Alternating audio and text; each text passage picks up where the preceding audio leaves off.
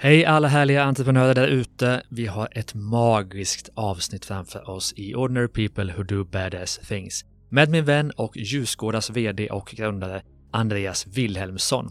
Idag kommer vi prata om bland annat buffer days, focus days och free days, hur det kan förändra din produktivitet i grunden.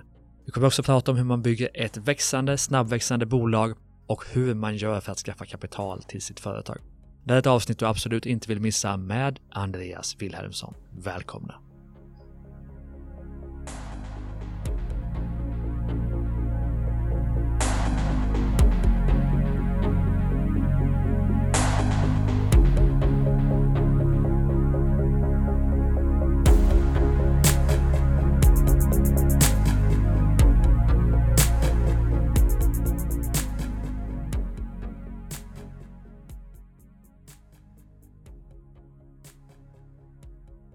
Gugg, gugg, gugg, gugg, gugg, gugg, gugg, gugg, gugg, gugg. Ja, nästan. Välkommen till Ordinary People, Andreas Wilhelmsson. Tack. Hur mår du? Ja, men jag mår bra. Härligt, full av energi som vanligt.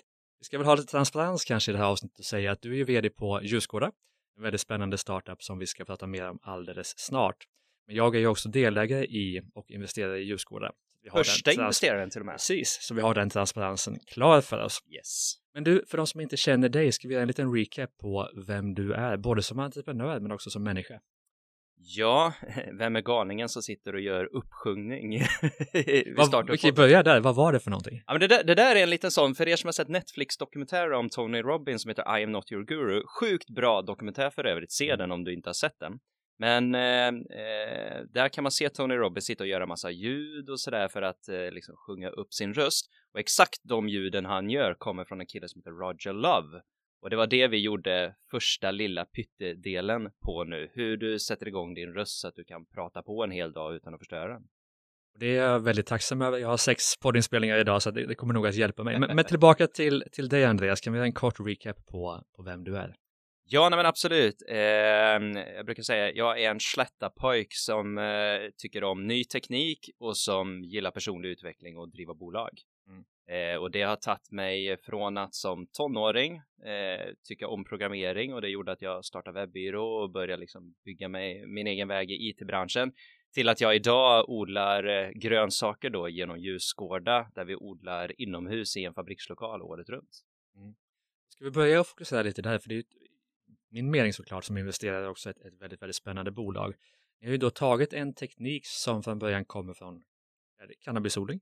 Jajamän, precis, eller ja, bland annat. Alltså bland det, annat. eh, inomhusodling som koncept, alltså det, det, det, det finns mycket buzzwords i den här branschen. Eh, det är vertikalodling, det är inomhusodling, det är hydroponisk odling och a- allt det där liksom, det är den boxen vi är. Och det är egentligen inte jag som har kommit på idén till det som är ljusgårda idag, utan eh, det är tre stycken grundare som jag sprang på för eh, två och ett halvt år sedan. Kände en av dem lite sedan tidigare. Eh, och fick då, eh, de tjatade på mig många gånger, Andreas du måste kika på det här, det, vi har en grej. Och jag bara, nej, nej, hinner inte, har inte tid. Men till slut så eh, gick jag i alla fall med på, okej, ja, men jag tittar då. Så jag fick åka till ett garage i Tibro, eh, som då ligger utanför Skövde. Och för de som inte vet vart vi är nu så är vi, alltså vi är, mellan, vi är på Slätta, det är mellan Värnö och Vätta liksom, det, det, det är där vi är. Det hoppas vi att folk vet vad det är i alla fall. Ja, ja, ja. Världen och. Eller hur?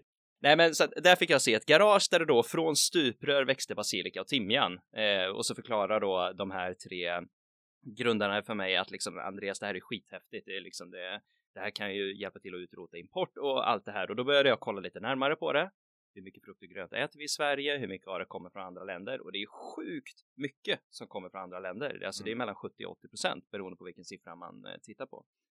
Eh, så jag gjorde min research, konstaterade att behovet finns och då är det så här, okej, ja, okej, behovet finns. Då är det en fråga om kan vi producera det här på ett bra sätt?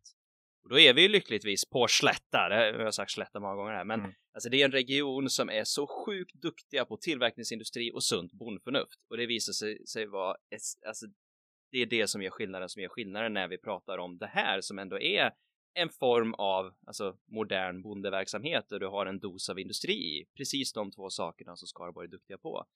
Så att eh, jag gjorde min research och så eh, bestämde mig för, ja men det här är vad jag vill göra, för jag hade då ett halvår innan egentligen bestämt mig för att jag om fem år, jag var halvår in i den planen, vill göra någonting som gör världen lite bättre, som jobbar med ny teknik eller som på något sätt är disruptivt.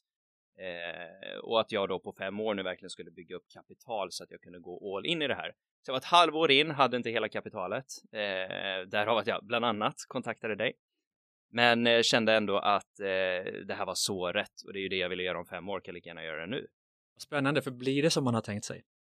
Ja, men jag skulle säga att på ett sätt blir det ju det och i Ljusgårdas fall så har jag fått nypa mig i armen så sjukt många gånger för det har blivit exakt som vi har tänkt oss. Alltså det är helt galet. Alltså, nu har jag ändå, jag startade mitt första bolag när jag var 17 år så att vad, vad är det nu? Jag har hållit på i 12 år snart att driva bolag och det blir ju kind of kanske som man har tänkt sig. Men i Ljusgårda fall har det verkligen blivit exakt som vi har tänkt oss i mångt och mycket.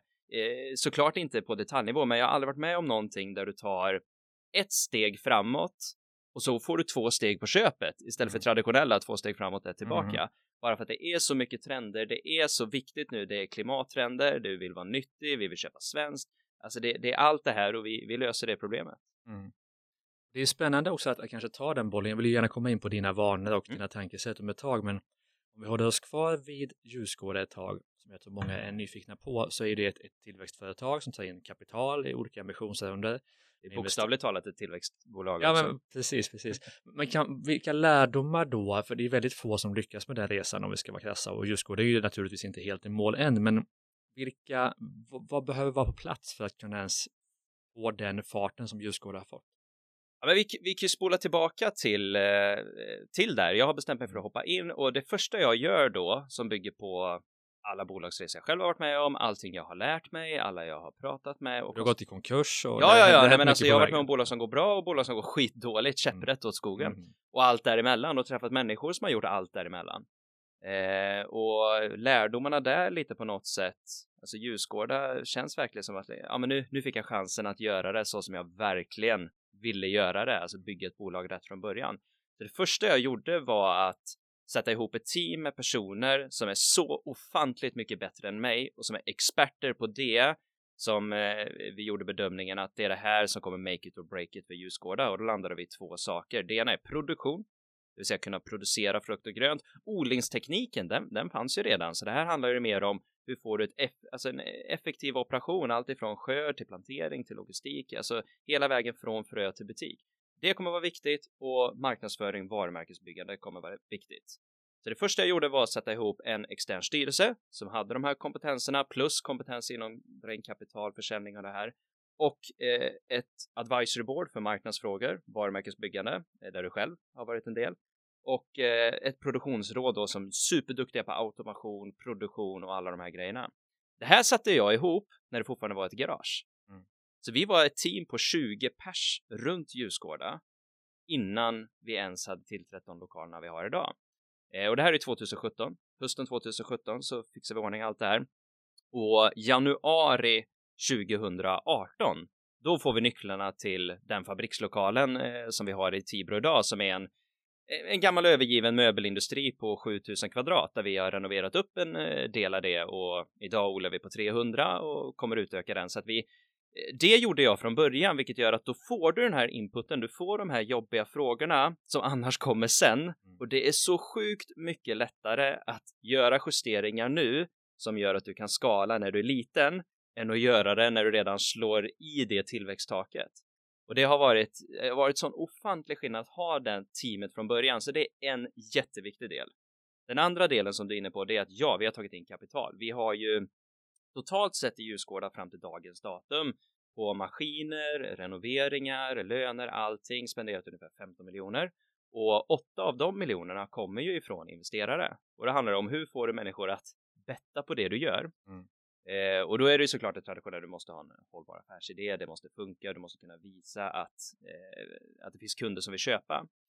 Och en väldigt viktig del som många köper, alltså det, det här kan du läsa dig till, men det man inte kan läsa sig till som jag skulle säga är den viktigaste, absolut viktigaste saken när du ska tänka digital.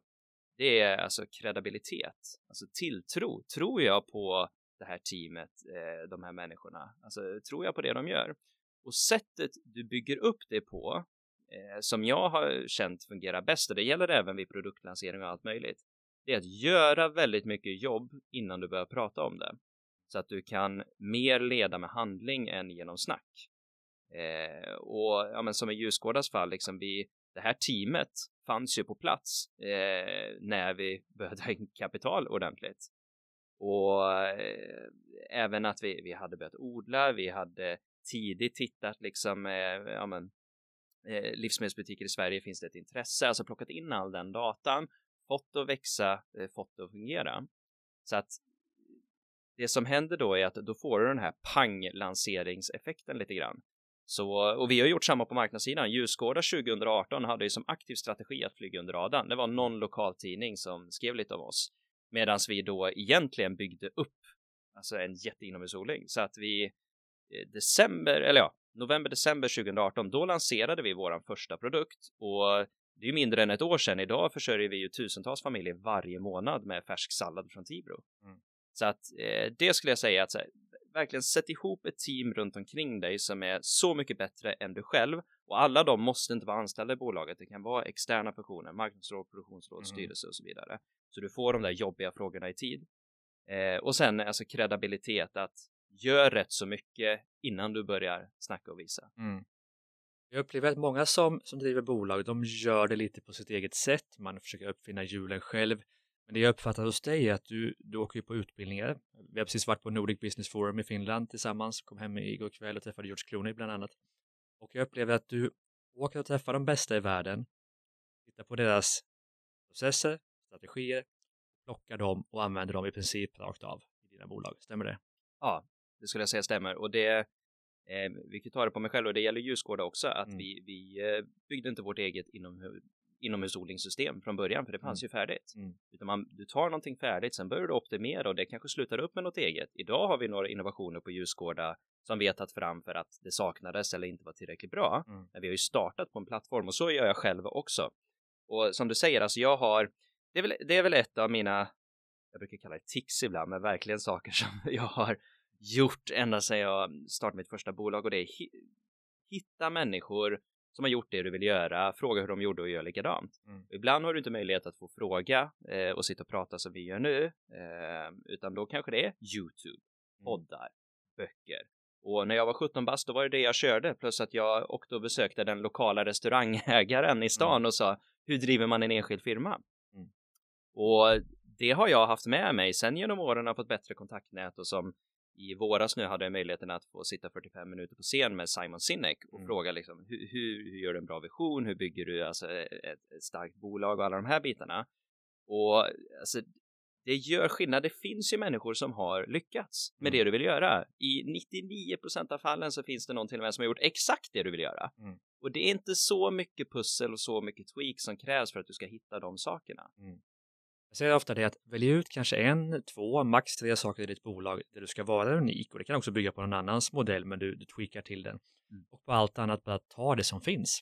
Mm. Ta från de bästa och gör det till ditt. Exakt. Så, så, vilka av allt du har hört och allt du har applicerat på ditt eget liv och i, på ljusgårda, vilka modeller har gjort störst skillnad tycker du?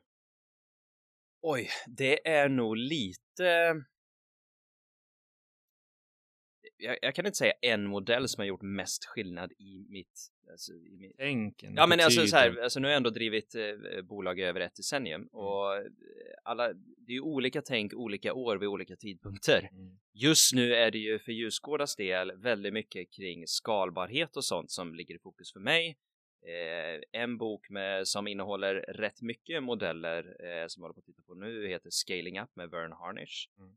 Eh, det är en sån som jag håller på att ta till mig as we speak. Jag, eh, jo men jag kan ta en, den är ändå på ett personligt plan. Jag, jag, alltså jag har, eh, en sak jag tycker är fascinerande är produktivitet och vanor. Mm. Och produktivitet så har jag testat olika, jag vet du, du har ju din eh, perfekta dag, du planerar mm. ditt liv efter allt det här. Men en grej jag har hittat kommer från en kille som heter Dan Sullivan eh, som har ett program som heter Strategic Coach som jag åker fyra gånger per år till London för att ta del av.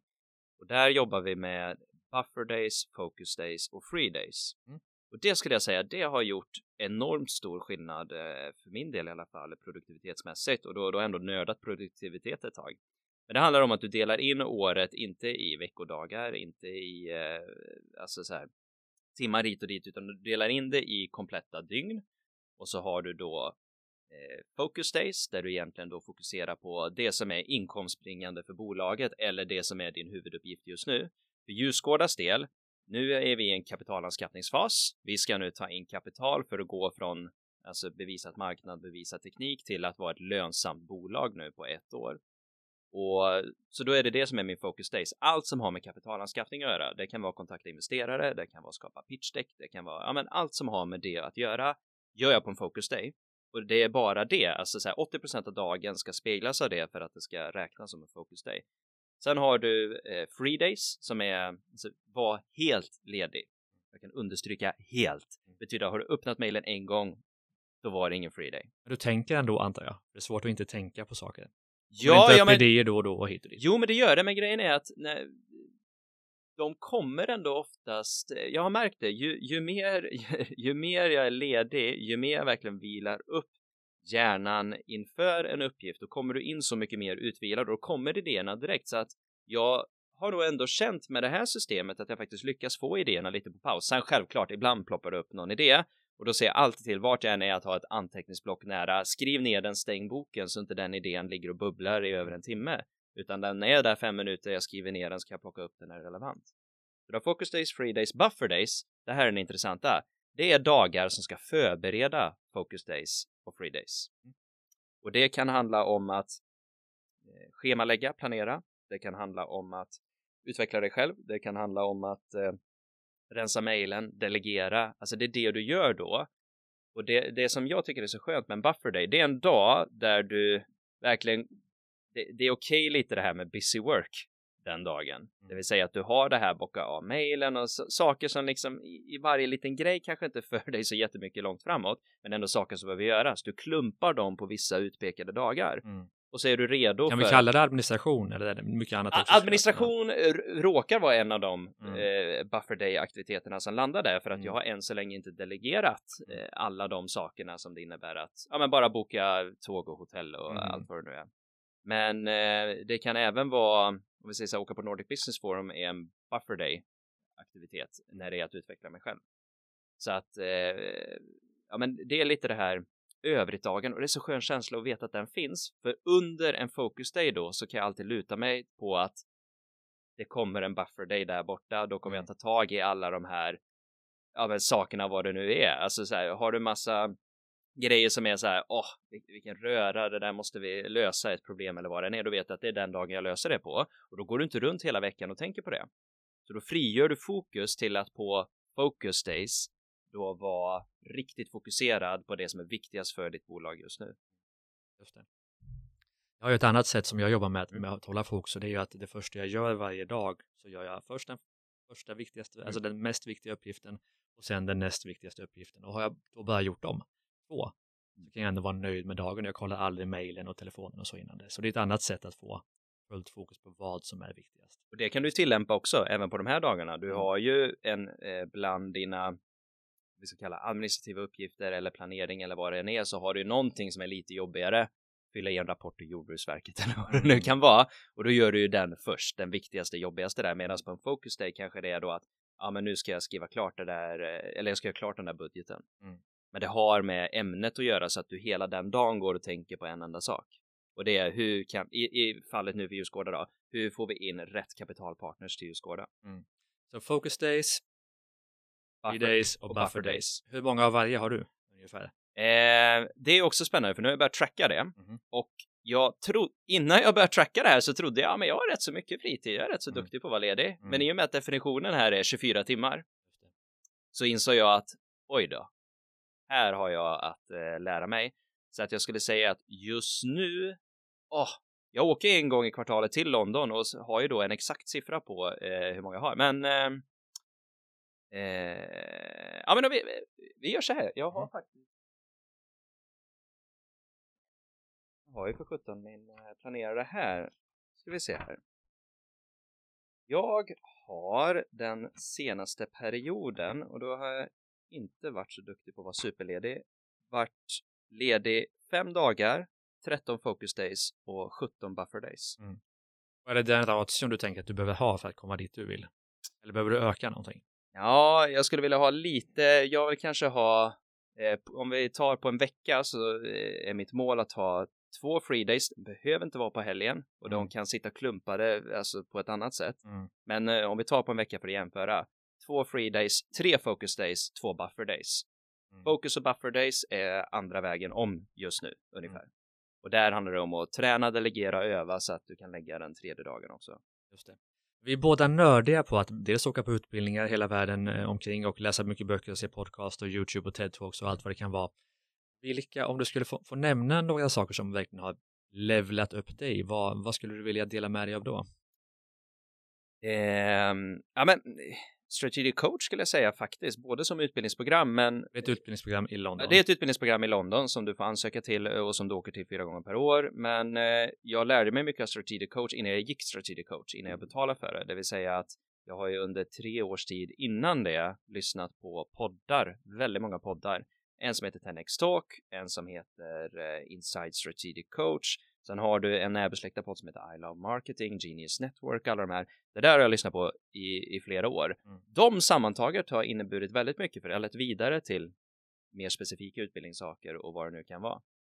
Så att eh, det har betytt mycket. Eventmässigt skulle jag annars säga att det är det som, det är där poletterna trillar ner. Jag älskar att åka på event. Mm. Och det har två anledningar. Dels är det ju bra att du samlat på en dag fokuserar på att utveckla dig själv. Mm. Men sen är det skillnad när du sitter i ett rum med tusentals personer eller hundratals personer. Det är en annan energi än om du sitter vid din dator själv och antecknar. Mm. mm.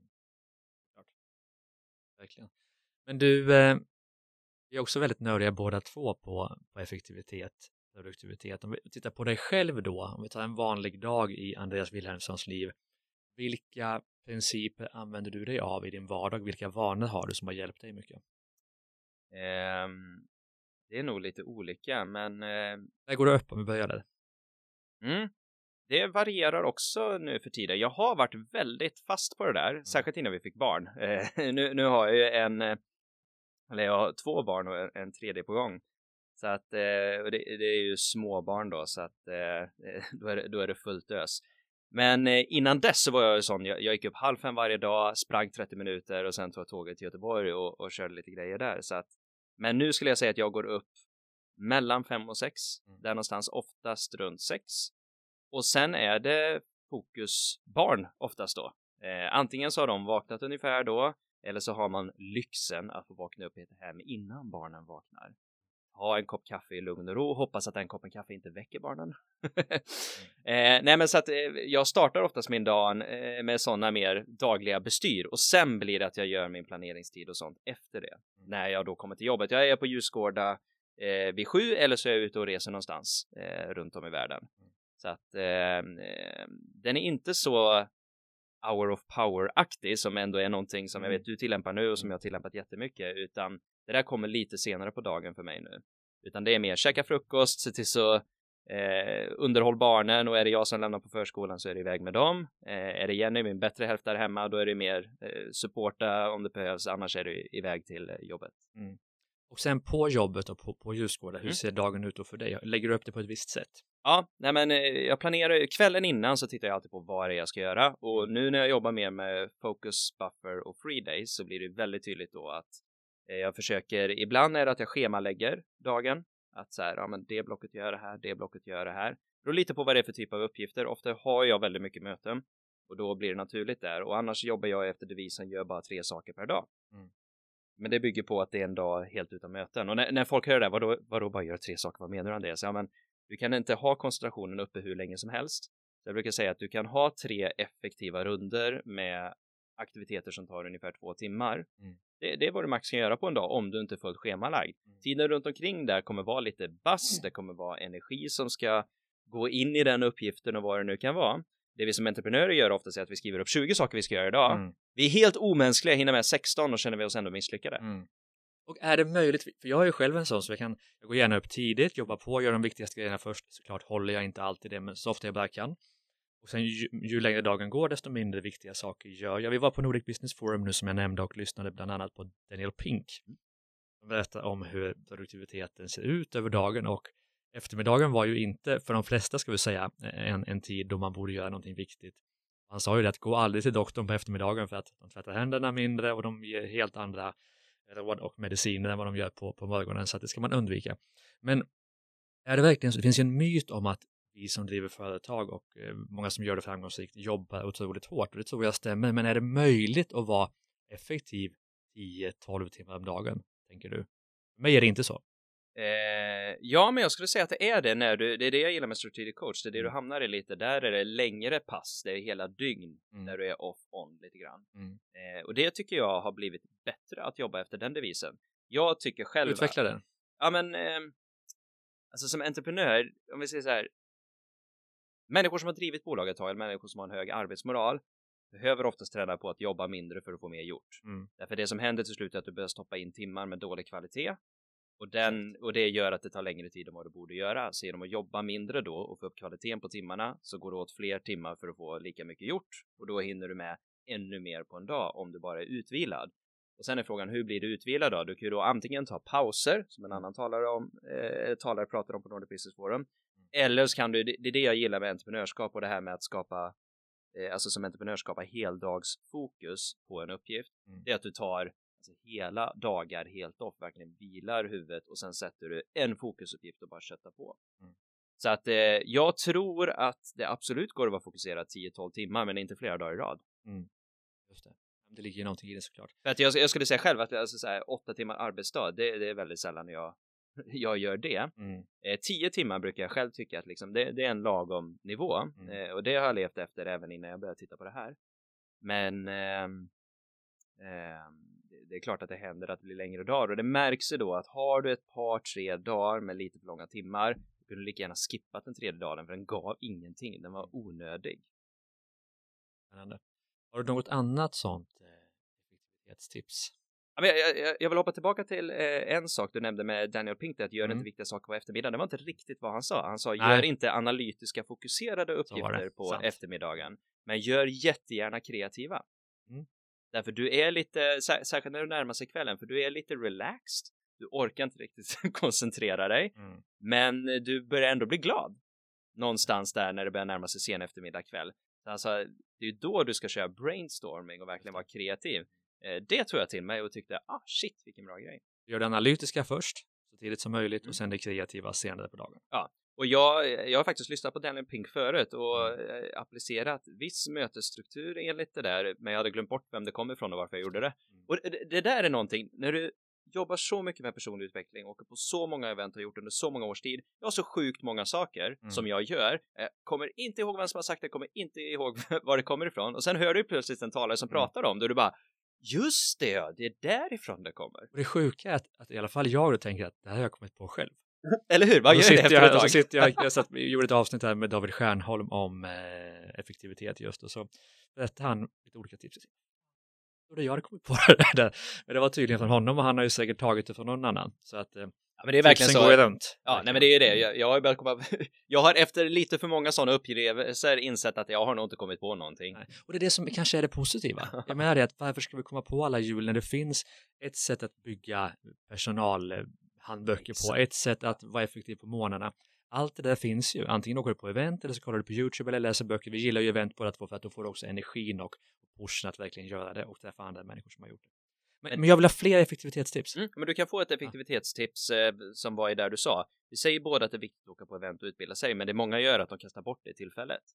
Eh, och det är att du åker på eventet, du är där, men sen trim, du kommer precis innan eventet börjar och du åker precis när det är slut och liksom så här försöker vara Så så. på telefonen under tiden, Ja, men liksom så här, mail. du, du är inte riktigt där. Mm. Så att det jag gör när jag åker iväg på event är att jag kommer alltid dagen innan och då är det undan mejlen, se till att ringa de som behöver ringas, alltså städa bort vad som brinner och Mm. vad det är. Så att du kan vara riktigt närvarande de här två dagarna så du inte en bit in i dag ett eller vid lunch. Först då börjar jag faktiskt här sjunka in i vad det är som händer. Mm. Så att du är helt närvarande vid dag ett och sen stannar jag till dagen efter så att du har hela kvällen, hela morgonen i att reflektera över vad var det som hände och baserat på det, vilka tyckte jag mest om, vilka tre grejer ska jag implementera. Mm. Så det är en skillnad. Jag tror att många kommer till den insikten, ja men jag ska, jag ska läsa massa böcker och allt sådär, men om du inte agerar på det du läser eller det du hör, då var det inte värt så mycket. Mm, verkligen. Men det, det är spännande att få alla dina tips och eh, snacka om ljusgårdar såklart och det liksom växer väldigt fort och sådär. Det jag är nyfiken på är varför just du? Varför är just du vd på Ljusgården? Varför åker just du på de här coola eventen? Varför gör just du det du gör? Vad kommer det av? Ja. Du är en vanlig pöjk från Slätta. Ja, men lite så är det eh, faktiskt. Eh, sen var jag ju eh, som väldigt ung var jag ju sjukt, sjukt, sjukt nördig Mm. pojk från Slä, eller pojk från Slätta. Nördig på. Datorer. Eh, jag var superdatanörd och då menar inte jag en sån här cool datanörd som håller på med e-sport och såna här grejer utan alltså jag var nördarnas nörd. Jag programmerade mikroprocessorer i assemblerkod och ledde ihop. Eh, det tyckte jag var kul och så här, eh, ja, ja men allt ifrån till att sitta och koda hemsidor, egna spel, eh, löda kretskort till att ja, men det var ju inte IT-ansvarig på skolan som hade BIOS-lösenordet i datorerna, det var ju jag. Mhm. eh, och det är väl preskriberat nu så här många år senare. Men eh, så att alltså jag var sjukt nördig och drevs av problemlösningen och det logiska som kom med datorer. Och det var lite av en slump och att intresset gjorde att jag, ja, men det var egentligen en vän till familjen som frågade mig om jag ville bygga en hemsida och få typ 500 spänn för det. Mm. Eh, och jag gjorde det och fick en sån häftig känsla av att åh, jag kunde få betalt för att göra det jag tycker är roligt. Och det gjorde att jag ja, men, eh, tog kontakt med Nyföretagarcentrum lite så här, var så jag kom igång. Och när jag väl kom igång, då började jag ju nörda entreprenörskap, precis som jag hade nördat datorer och fann att shit, samma problemlösningsgrejer och samma logik i min värld till viss del fanns där, fanns så mycket, men det var så mycket mer som jag tyckte var svinroligt. Och jag fick den där passionen för det och började nörda, så att det är där någonstans 2008, 2009 som jag verkligen började nörda entreprenörskap och sen har ju det hängt i. Då du hade Spikes också vill jag minnas. Jajamän, Mm. precis. Eh, Jag hade inte det när jag startade, men jag hade det, ja men precis där 2000, eh, ja det kanske är där 2009, 10. Ja, precis. Jajamän, det finns ju, eh, är så roligt. Eh, Jag var ju organisationen Företagarnas yngsta medlem 2000, sommaren 2010. Och då gjorde de en eh, roadshow där de tog foto på alla medlemmar och sådär, så då Mm. ville de ha extremerna och då har de blandat yngst och äldst. Mhm. Så de har ju en bild på mig med de här spikesen i håret Mm. som sitter på deras kontor. Den kommer ju sitta där Ja, länge så, så den, den sitter ju Ah. fortfarande där så det blir så kul. Jag, den där bilden blir bara mer och mer pinsam för varje år. Men, den blir cool igen. Ja men liksom. pre precis, tills den blir cool igen. Men eh, ja, nej, men det var jag där och så jag var sjukt nördig, men sen så jag tror kombon som ändå det nördiga gjorde att jag kunde nörda entreprenörskap precis som jag hade nördat datorer och problemlösning och affärsutveckling, alltså rita, alltså det logiska. Men den udda kombon är väl dans egentligen. Att jag i tonåren började tävlingsdansa i bugg Mm. och eh, med det intresset, eh, ja men hållit på med dans, jag har gjort sex musikaler, det vill säga 60 föreställningar och hållit på mycket med det. Bara förtydliga det, sex musikaler, inte sex musikaler. Ja, Så precis. det- Ja, precis. Inte sex musikaler, nej. Det var lite otydligt. Ja, ja, För det- känsliga lyssnare, så fortsätt. ja, det är väl lite så, alltså, så att eh, jag har ju ändå en kulturell del i det där som ändå har gjort att jag tycker om att prata inför folk. Alltså det, det kan vara allt ifrån att eh, ja, men, prata med investerare till att leverera en föreläsning för ja, men, hundratals personer vad det än är. Och jag tycker de två världarna, det logiska och om vi ska säga showbusiness, Mm. som ändå kan komma av det du vill inspirera någon och se att det tänds en gnista i ögonen. Oavsett om du inspirerar med konkreta tips eller om du inspirerar med en häftig dans där du ser att folk wow! Eh, det är en, ett typ av intresse jag har och det andra är det logiska och kombon däremellan Mm. gör att det fungerar väldigt bra i entreprenörsvärlden. Mm. Särskilt när det då det började verkligen klicka när jag fick det till mig vikten av team och att jobba med rätt människor. Då kan jag tillämpa det logiska. Vad är det jag behöver för någonting? Med förmågan att tända gnista i ögonen på dem jag behöver hjälp av. Mm. Och på så sätt skapa en, eh, ja men eh, vad ska vi säga, ett sjukt engagerat gäng som är på väg åt samma håll. Mm. Men du, du är inne på passionen. Alla som driver företag och har lyckats nämner ju passionen som en nyckelfaktor. Men i min värld så är nästan alla som driver företag mer eller mindre passionerade. Men det jag tror, min sanning är i alla fall att de som verkligen, verkligen lyckas, de är i princip besatta. Mm. Tror du skillnaden där? Nej, men, ja. Är du besatt av det du gör? Ja, men jag skulle säga, jag är besatt av att eh, få människor att prestera bra. Mm. Alltså det, du, du vet nu, Det är du nördar på nu liksom. Ja men li, alltså det är det, det det handlar om. Sen gör jag det i kontextet som får sjukt stor impact för världen. Alltså det, det handlar om att utrota import av frukt och grönsaker. Vi börjar med Sverige och det, mm. alltså, det är ju det är ju inget litet uppdrag. Det är sjukt mycket att göra. Vi kommer inte kunna göra det själva, men vi kommer förhoppningsvis inspirera andra att göra likadant. Men det är ju ett kontext där jag kan applicera någonting jag brinner för som mm. är att få det att brinna i andras ögon. Det du brinner för, man ska vara krass då, du, du föddes ju inte och brann för, för sallad. Nej, nej, nej, och jag brann inte för sallad första gången jag såg det heller. Jag brann inte för det när jag klev in i det heller. Alltså, mm. jag skulle säga det, jag tror du är inne på ett spår där. Många tror att så här, åh, entreprenör vaknar upp och brinner för saker. Wow, mm. alltså så funkar det inte. Du vaknar inte upp och brinner för någonting, precis som du inte vaknar upp och älskar någon. Alltså att älska någon är ett verb mm. och att brinna för någonting är också ett verb. Det är någonting du gör, inte något du är. Spännande, för jag hade en diskussion med, med Malina, min flickvän, häromdagen och så frågade hon mig, vaknar du varje dag och känner dig superpepp och vet exakt vad du ska göra och är verkligen laddad och tänka till och insåg att så är det ju inte Nej, inte alls, utan jag behöver gå igenom vissa rutiner för att komma dit. Så. Och det är ju att, att, gå ut och gå eller springa som du också har gjort. Mm. Att, att vakna upp, känna luften, naturen.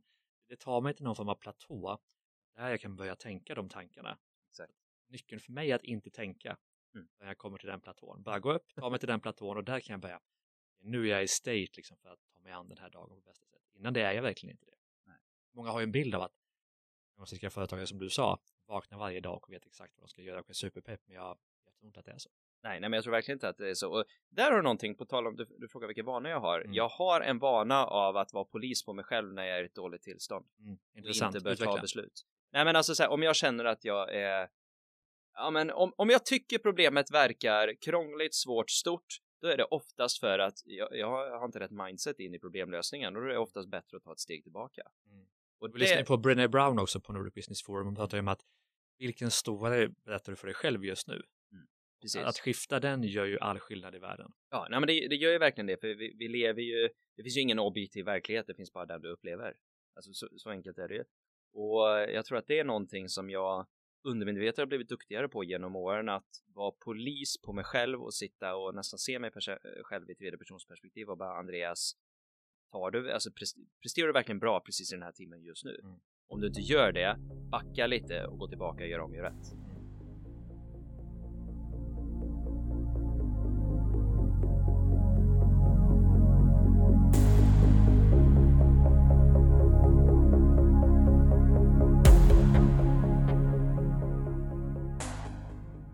Nu är det jag som stör mitt i podden med ett inlägg från vår härliga sponsor Företagarna som vill ge ett tips till dig som vill läsa om fler fantastiska företagare eller få lite energi eller hitta nya samarbeten eller vad just du behöver just nu. Företagarna ger ut en lista varje år som heter 103 unga talanger och där har man samlat de just nu mest spännande företagarna under 30 år i hela Sverige. Så vill du veta vad de gör, vad de tänker, gå in på listan på www.103ungaidéer.se 103ungaidéer.se Fantastiskt spännande! är du inte medlem i Företagarna blir det precis som jag på företagarna.se. Tack Företagarna!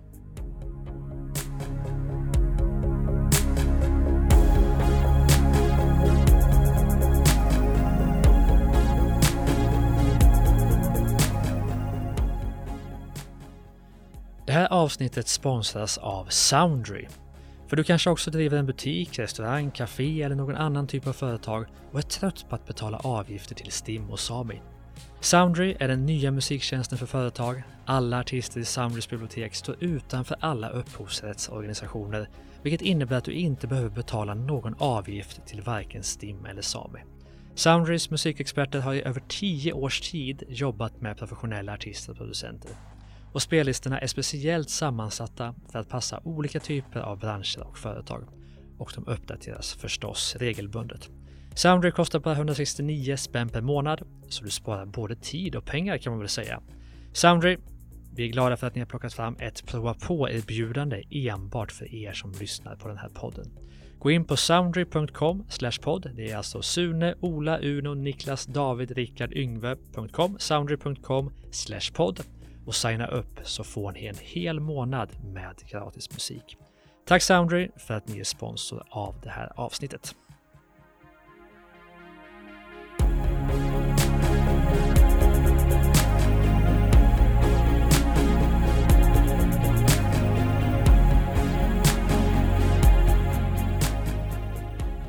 Vill du ta ditt bolag till nästa nivå, då måste du hänga på oss på evenemanget Business Hacks som kommer gå av stapeln i Stockholm den 25 november och i Malmö den 12 december. Vi tror ju på att man blir som man umgås och därför har vi bjudit in några av Sveriges absolut bästa föreläsare och några av de coolaste entreprenörerna just nu som jag kommer att podda med både i Ordinary People Who Do Badass Things och Business Hacks på scenen, det vill säga livepodd.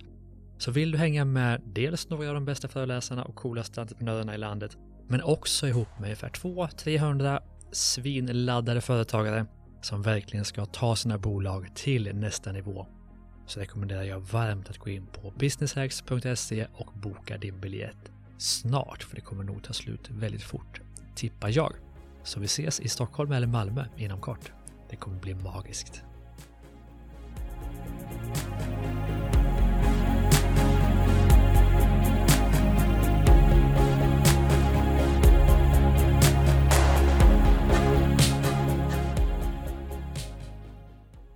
Jag är inne på att satthet är ju en av faktorerna som skiljer de som verkligen lyckas från de som lyckas okej. Okay. En annan sak som vi har hört mycket, jag kommer tillbaka till Nordic Business Forum som vi just har varit på, i och med att jag har det väldigt starkt i huvudet, är att nästan alla talare där, inklusive George Clooney, Steve Wozniak, Brené Brown, Daniel Pink, pratade om att, att förmågan att ta sig snabbt upp efter ett misslyckande.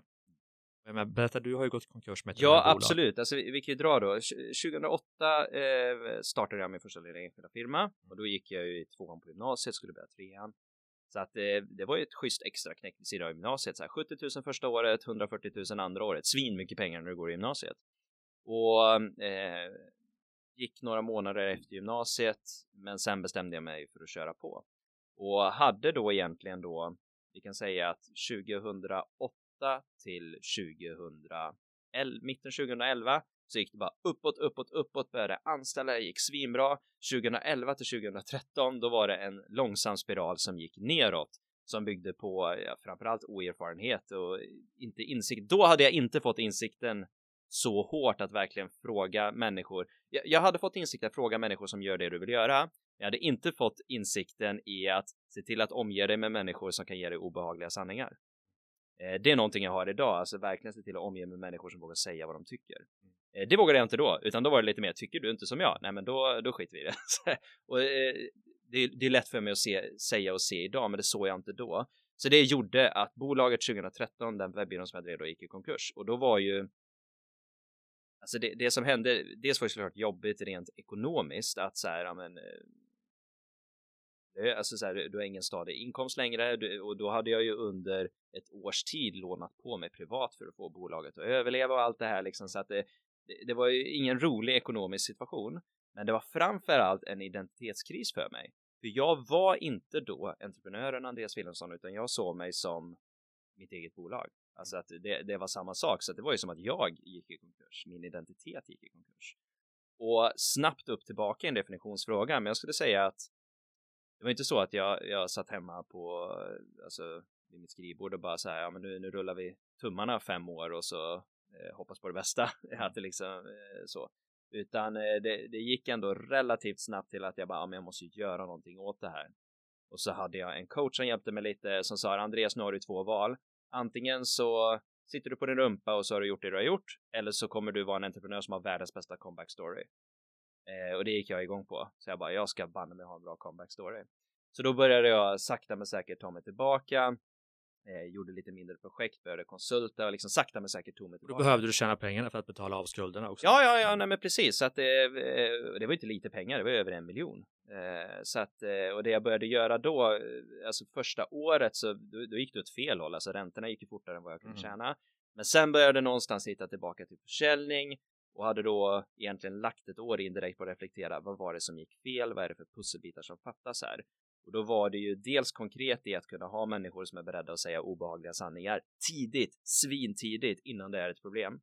Och sen var det lite kring försäljning. Jag trodde jag var bra på försäljning. Mm. Det jag var bra på, det var att få människor att sitta och nicka med. Det är inte samma sak. Vara duktig på bra försäljning handlar om att veta vem du vill sälja till också. Mm. Och verkligen kunna se den där femårsplanen för en viss kund, vad det nu är.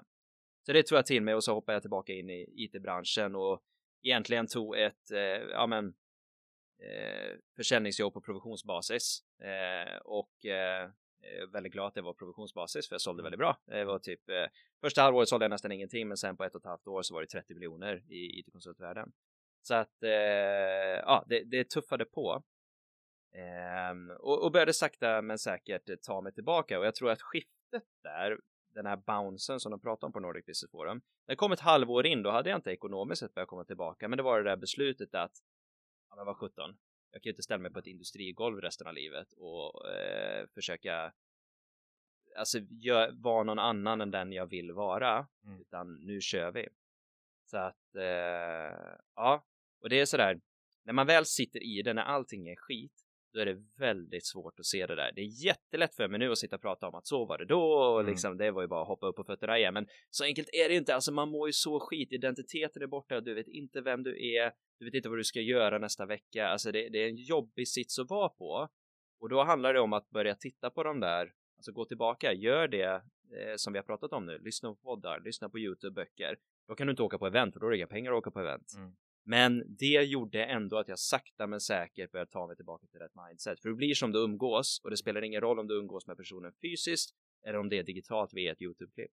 Mm. Ska vi stanna lite där, eh, du blir som du umgås? För mm. jag upplever att det är kanske en av de tre största nycklarna för att ta sig dit man vill. Mm. Har, vilken strategi har du haft för att umgås med människor som, som lyfter dig? Min primära strategi eh, ute på bygden i, på Slätta har väl varit att under rätt många års tid så är väl de jag umgåtts med eh, utöver min familj mest faktiskt personer som, eh, om, om jag tittar på tio års sikt nu, så är det nog, alltså jag har nog mer på ett sätt hängt med Anthony Robbins, Joe Polish och Peter Diamandis eh, och Dan Sullivan digitalt. Nu har jag förmånen att få träffa några av dem fysiskt också, men det har varit en väldig nyckel. Alltså så att du, du lyssnar på podcast konstant, du kollar på YouTube-klipp med, med någorlunda samma människor till viss del. Då jagar du inte bara idéerna utan du jagar precis det där du är inne på. Att du blir som du umgås. För när du kollar på tillräckligt många klipp med samma person då börjar du någonstans hitta in i hur den människan tänker. Spännande. Och är du då också noga med dem du fysiskt umgås med? Att det här är en person som, som jag väljer att umgås med eller blir det som det blir? Nej, eh, jag skulle säga att jag väljer. Jag, jag är väldigt öppen för att alltså, jag, jag, tycker alla människor är fascinerande. Men eh, människor som inte hjälper mig framåt kan ju inte umgås hur mycket som helst med. Eh, för då kommer jag bli som jag umgås. Så att jag skulle säga att jag är relativt selektiv. Eh, men det handlar nog mer om att jag aktivt tar val om eh, vilka jag umgås med. Du och jag är med i samma nätverk som heter Young Entrepreneurs of Sweden. Det är ett sånt typexempel där man nästan älskar att umgås med varenda människa i det mm. gänget. Eh, där alla är entreprenörer och alla vill framåt och alla de här bitarna. Men eh, jag skulle säga att på den basisen, jag har nog inte det här att jag liksom bara, åh, oh, det här är de fem vännerna jag tycker om att umgås med, mest med, utan jag ser till att det kommer digitalt influerat väldigt mycket. Och sen sker det rätt naturligt att människor som har samma intresse och samma driv som jag klickar ju bättre med. Det blir rätt så naturligt. Du, nu är du i en fas, nu har vi fått lyssna lite på din historia, hur du har förändrats som, som person och, och olika insikter du, du har gjort på vägen. Hur tror du att du behöver vara om, säg fem eller tio år för att ha dig dit du vill och ta bolagen dit du vill? Hur behöver du förändras? Jag behöver bli duktig på att skapa andra ledare. Det är nästa utvecklingssteg för mig, att så här, det är en sak att leda, eh, det är en annan sak att skapa duktiga ledare, så det är någonting jag studerar och eh, kollar mycket på nu. Mm. Om vi tänker då ditt, ditt framtida jag, säg ditt tio år äldre jag, vad skulle den personen ha sagt till dig? Om du träffade den idag? Jag tror att eh, mitt tio år äldre jag skulle sagt eh, skulle nog gå tillbaka till några av de enkla principerna jag håller på att implementera och sådär lite kring fokus kring eh, att eh, vara ledig, att liksom fortsätt så. Det, det, är rätt spår. Du är inne på rätt grej här att eh, se till att du har energin i alla uppgifter. Men jag tror att mitt tio år äldre jag, förhoppningsvis tio år äldre jag, säger att Andreas, du måste bli duktigare på att njuta.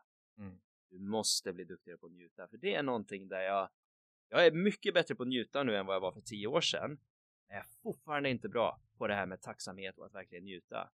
Jag kan absolut sitta med tacksamhet och en anteckningsbok, men det här, ja men det var en sån enkel grej. Jag firar rätt sällan att saker har gått bra, mm. utan är direkt inne på nästa grej. Mm.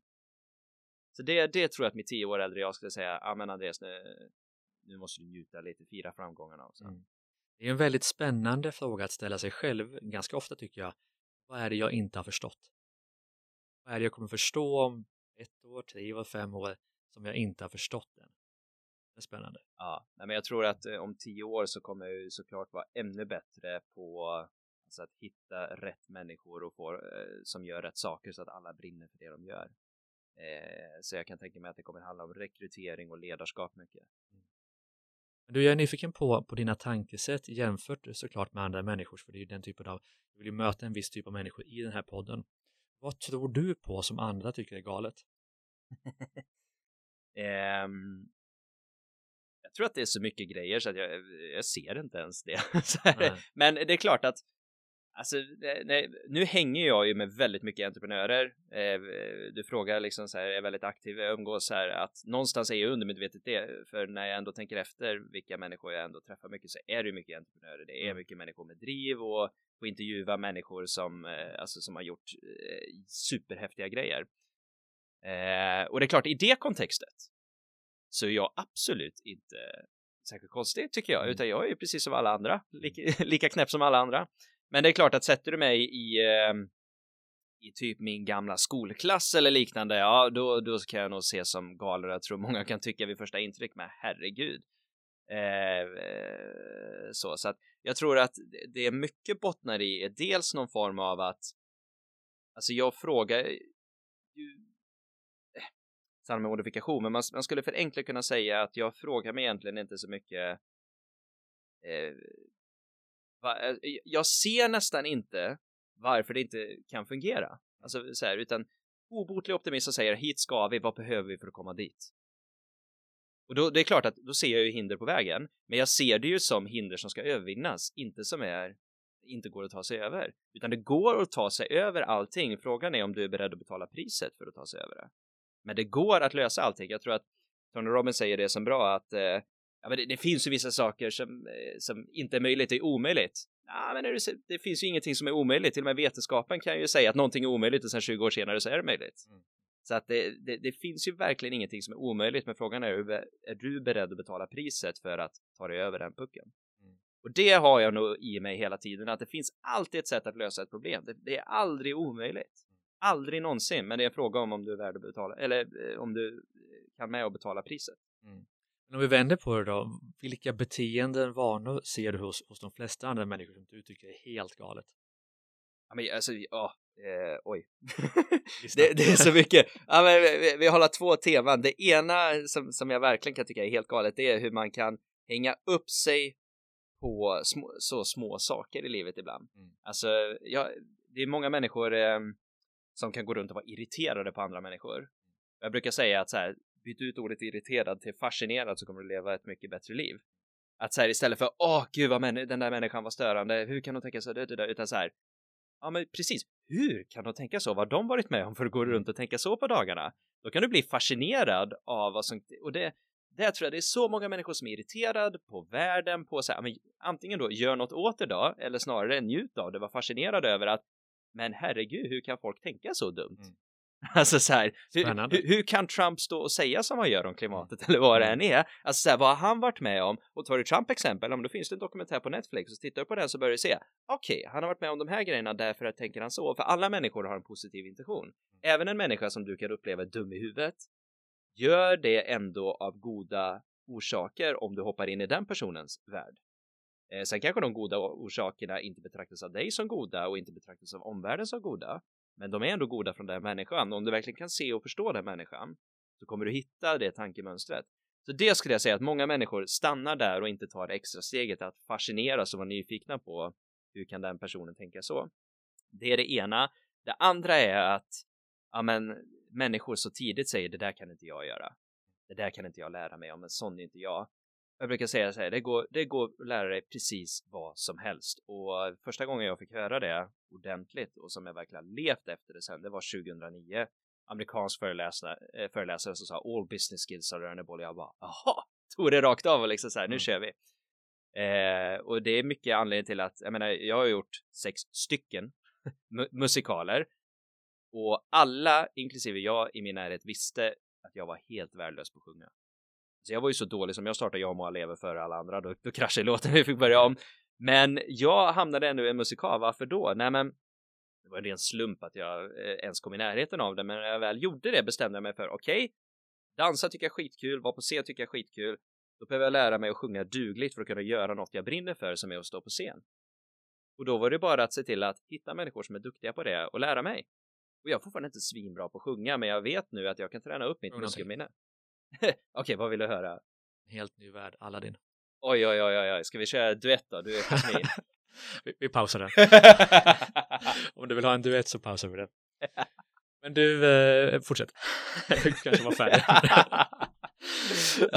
Du, en sak jag är nyfiken på som jag, en fråga jag ställer till, till nästan alla. Jag upplever att många jag har träffat i podden är oerhört framgångsrika med sitt bolag, men har låtit det ske på bekostnad av vänner och liknande, alltså det privata livet i mångt och mycket. Är du lika framgångsrik, anser du, privat som i företaget, företagandet? Beror på vad du definierar som framgångsrik privat. Vi, vi pratar... Vad du definierar. Ja, precis. Och vi pratar om det hemma rätt så mycket, jag och Jenny, eh, med så här, vad, vad är framgångsrikt? Men jag tror att en viktig del som har gjort ändå att jag inte har låtit det offra någonting är att jag vet att när vi eh, hade diskussionen om så här, ska vi skaffa barn eller inte? Eh, så vet jag att jag bara, ah men det är inte bra timing nu liksom, nu är fullt fokus på bolaget mm. och då drog Jenny den klockrena frågan till mig bara, ja men Andreas, eh, kommer du ha mindre att göra om fem år?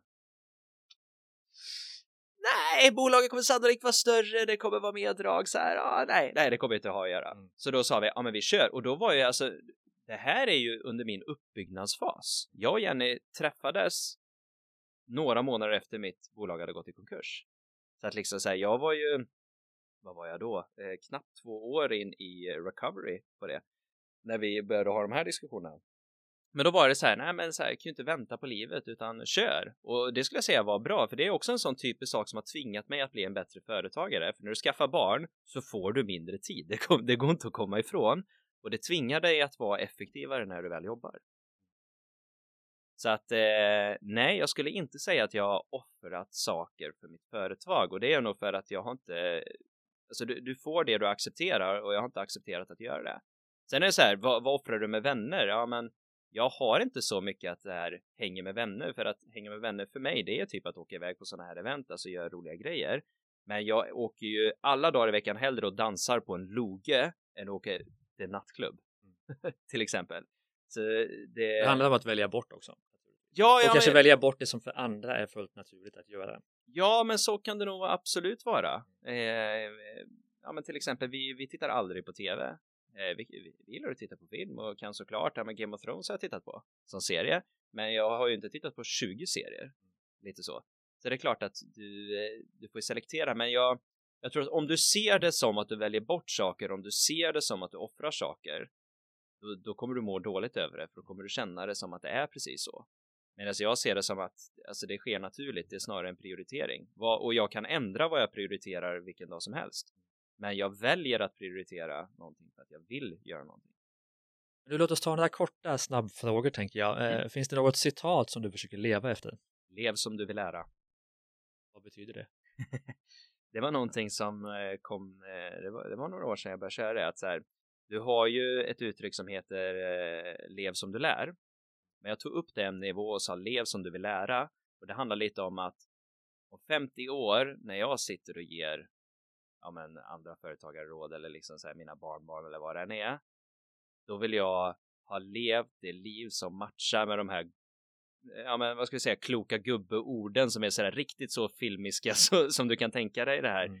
vise man principen att jag vill kunna vara en person som har levt ett liv där jag har gjort så som är de råden jag kommer vilja ge då. Och jag kan inte säga vad de råden är idag, men jag går och tänker det väldigt ofta att alltså så här, var en förebild, alltså var så mycket för, alltså lev det livet som du vill kunna berätta om sen.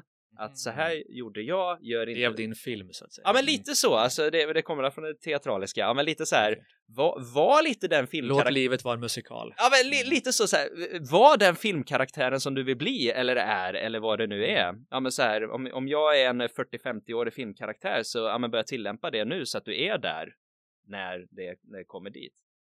Eh, svårt det gillar jag. Ja, svårt att sätta ord på det, men, ja. men det är någonting eh, Var Eh, stjärnan i din egen film. ja, men, ja, men lite så. Eh, och i min värld heter det Lev som du vill lära. Min var bättre i och för sig. Men du, eh, om jag skulle ge dig 50 miljoner här och nu och du fick starta ett nytt företag som du har, st- tror har störst chans att lyckas i framtiden. Vad hade det varit? Jag hade till, jag kan inte säga vad, Mm. men jag kan säga hur jag hade tänkt och det är precis som jag tänkt med Djurgården. Jag hade tittat på, eh, jag följer mycket någonting som heter Singularity University, en av personerna som är spetsen där heter Peter Diamandis. Eh, titta på de teknikerna som är disruptiva teknologier som kan göra världen bättre och påverka en miljard människor. Inom ramen för det ligger ju inomhusodling som jag är inne på redan och som eh, det är verkligen där vi kör. Men det jag hade gjort är att jag hade hittat några uppfinnarjockar som är duktiga på någonting av det här som har kommit liksom så att ja, men du är på garagenivå. Gå in med affärsutvecklingskompetens, kontaktnät och kapital och i det fallet då 50 miljoner och göra någonting av det. Så att jag kan inte säga vad jag hade gått in i. Eh, Jag hade nog gärna varit någonting med kanske eh, alltså energi, solenergi eller vad det nu är. Nu är jag ju inne på inomhusodling mat, eh, men det finns ju flera aspekter av mat. Vara kött och allt det här. Så jag tror jag hade hängt någonstans runt mat eller energi. Mm.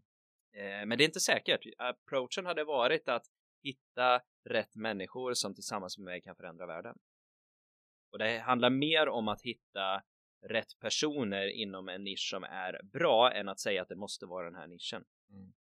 Vad är framgång för dig? Det, det är en väldigt bra fråga. Eh, Jag skulle säga att den skiftar nog väldigt mycket hela tiden. Jag har inte en tydlig så här att det här är framgång, men, men jag skulle säga framgång är ändå att kunna göra någonting som verkligen sätter avtryck i andra människors liv. Och det kan vara allt ifrån att titta en eh, tonåring i ögonen och säga kör på, tro på dig själv. Eh, till att leverera en hälsosam sallad som gör så att du blir, ja men mår lite bättre, är lite friskare och slipper bli förkyld lika ofta. Så att det, det- kan vara stort som smått, men på något sätt ändå alltså, påverka, göra världen lite bättre i kombination med att själv må bra under tiden. Om vi tittar på de människor som du anser vara framgångsrika, vad har de gemensamt? Eh, ja, men, du är inne på någonting, alla har ju ändå någon form av driv och passion som du kan väcka liv i. Men jag, jag skulle säga att Besatthet. Ja, besatthet, men det är ju någon form av...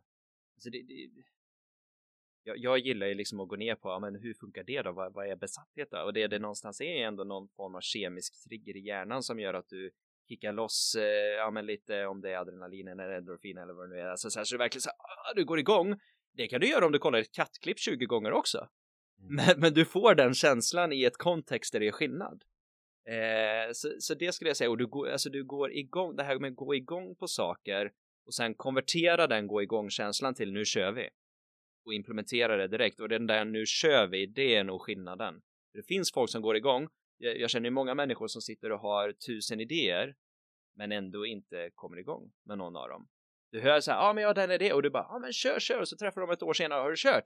Nej, nej, nej, men jag har den här idén. Alltså Mm. så här, ja, Men det är ändå en skill man kan lära sig då antar jag. Ja, också. det är ju det. Och det, det alltså så här, övning ger färdighet och det finns ju människor som har gjort det så att eh, alltså, Och då är mitt bästa tips att börja umgås med människor som, Mm. som gör saker hela tiden.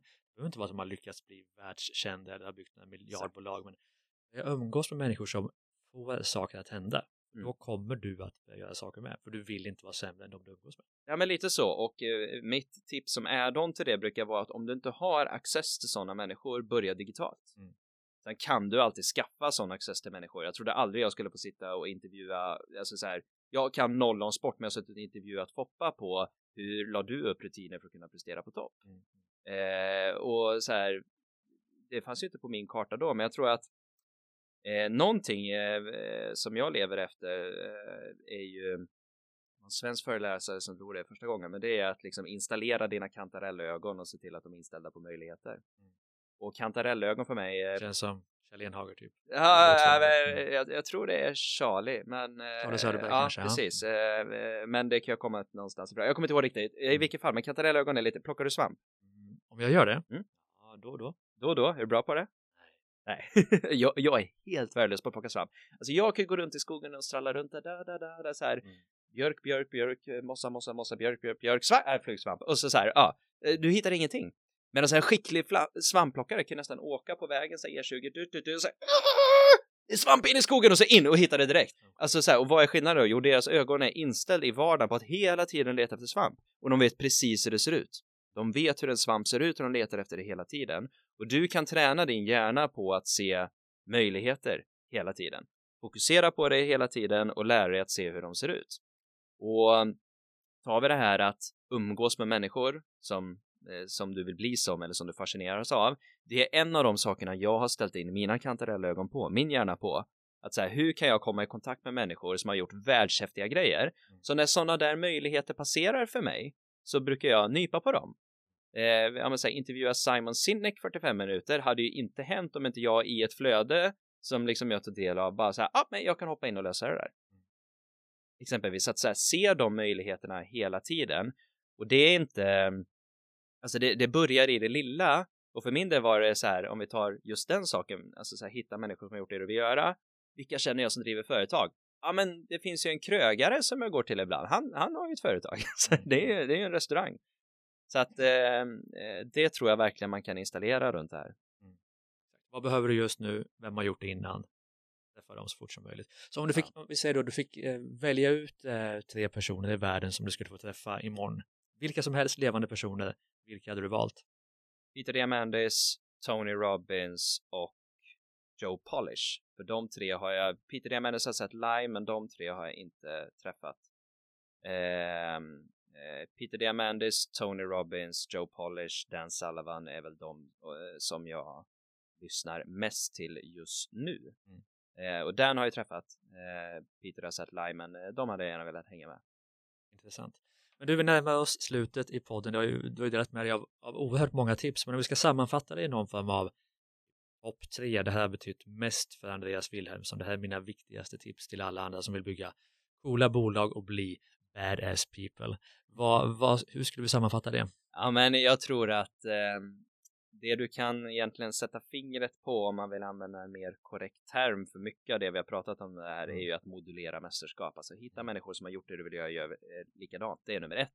Nummer två är team och nätverk. Alltså, eh, jag hade inte kunnat bygga ljusgårda om jag inte hade haft ett så sjukt kompetent och superstarkt team i botten både som jobbar på ljusgårdar varje dag och som finns i då advisory board styrelse. Alltså här, hade aldrig gått att förstärka det nätverket hela tiden. Det tredje tipset jag skulle vilja skicka med, som vi inte har pratat så mycket om, men som jag normalt sett faktiskt pratar rätt så mycket om, det är det här dröm stort, börja smått. Alltså våga vara passionerat besatt av att vilja ta över världen. Mm. Men fundera på vad är det första lilla steget jag kan göra idag för att komma närmare det? Det kanske är läsa en sida i en bok. Det kanske är kolla ett Youtube-klipp. Det kanske är ringa ett samtal. Det kanske till och med är bara kolla upp telefonnumret du ska ringa imorgon. Men gör någonting litet, litet varje dag som tar dig närmare den verkligheten. Mm. Och då vill jag förstås veta, Ljusgårda, tio år, var är ni då? Eller vi får jag säga, jag är också med på ja. Vad är vi då? Eh, tio år så har vi ju inte bara hjälpt till att börja göra Sverige självförsörjande på frukt och grönsaker utan andra länder också. Vårat mål är att verkligen alla länder som har problem med import och det är många. Mm. Alltså det är oftast att det är för varmt att odla eller för kallt att odla liksom, att det är svårt att odla på eh, vintern i Sverige. Så att, att vara i de länderna och hjälpa dem att lösa så de kan äta nyttiga, lokala, färska, goda grönsaker varje dag. Mm. Tack så mycket Andreas Wilhelmsson för att du ville vara min gäst i Ordinary People Who Do Badass Things. Tack. Och tack så mycket till alla er lyssnare som har lyssnat på det här härliga avsnittet med Andreas. Magiska tips, buffer days och free days och focus days till exempel som ni gärna kan läsa mer om också på driva-eget.se och mittföretag.com där ni också hittar våra poddar Ordinary People Who Do Badass Things, Business Hacks och Starta Eget-podden som naturligtvis också finns där. Poddar finns till exempel på Podcaster, Acast och Spotify. Tack så mycket för idag mina vänner. Vi avslutar med musik ifrån Soundry. Time has been so hard on us, my friend.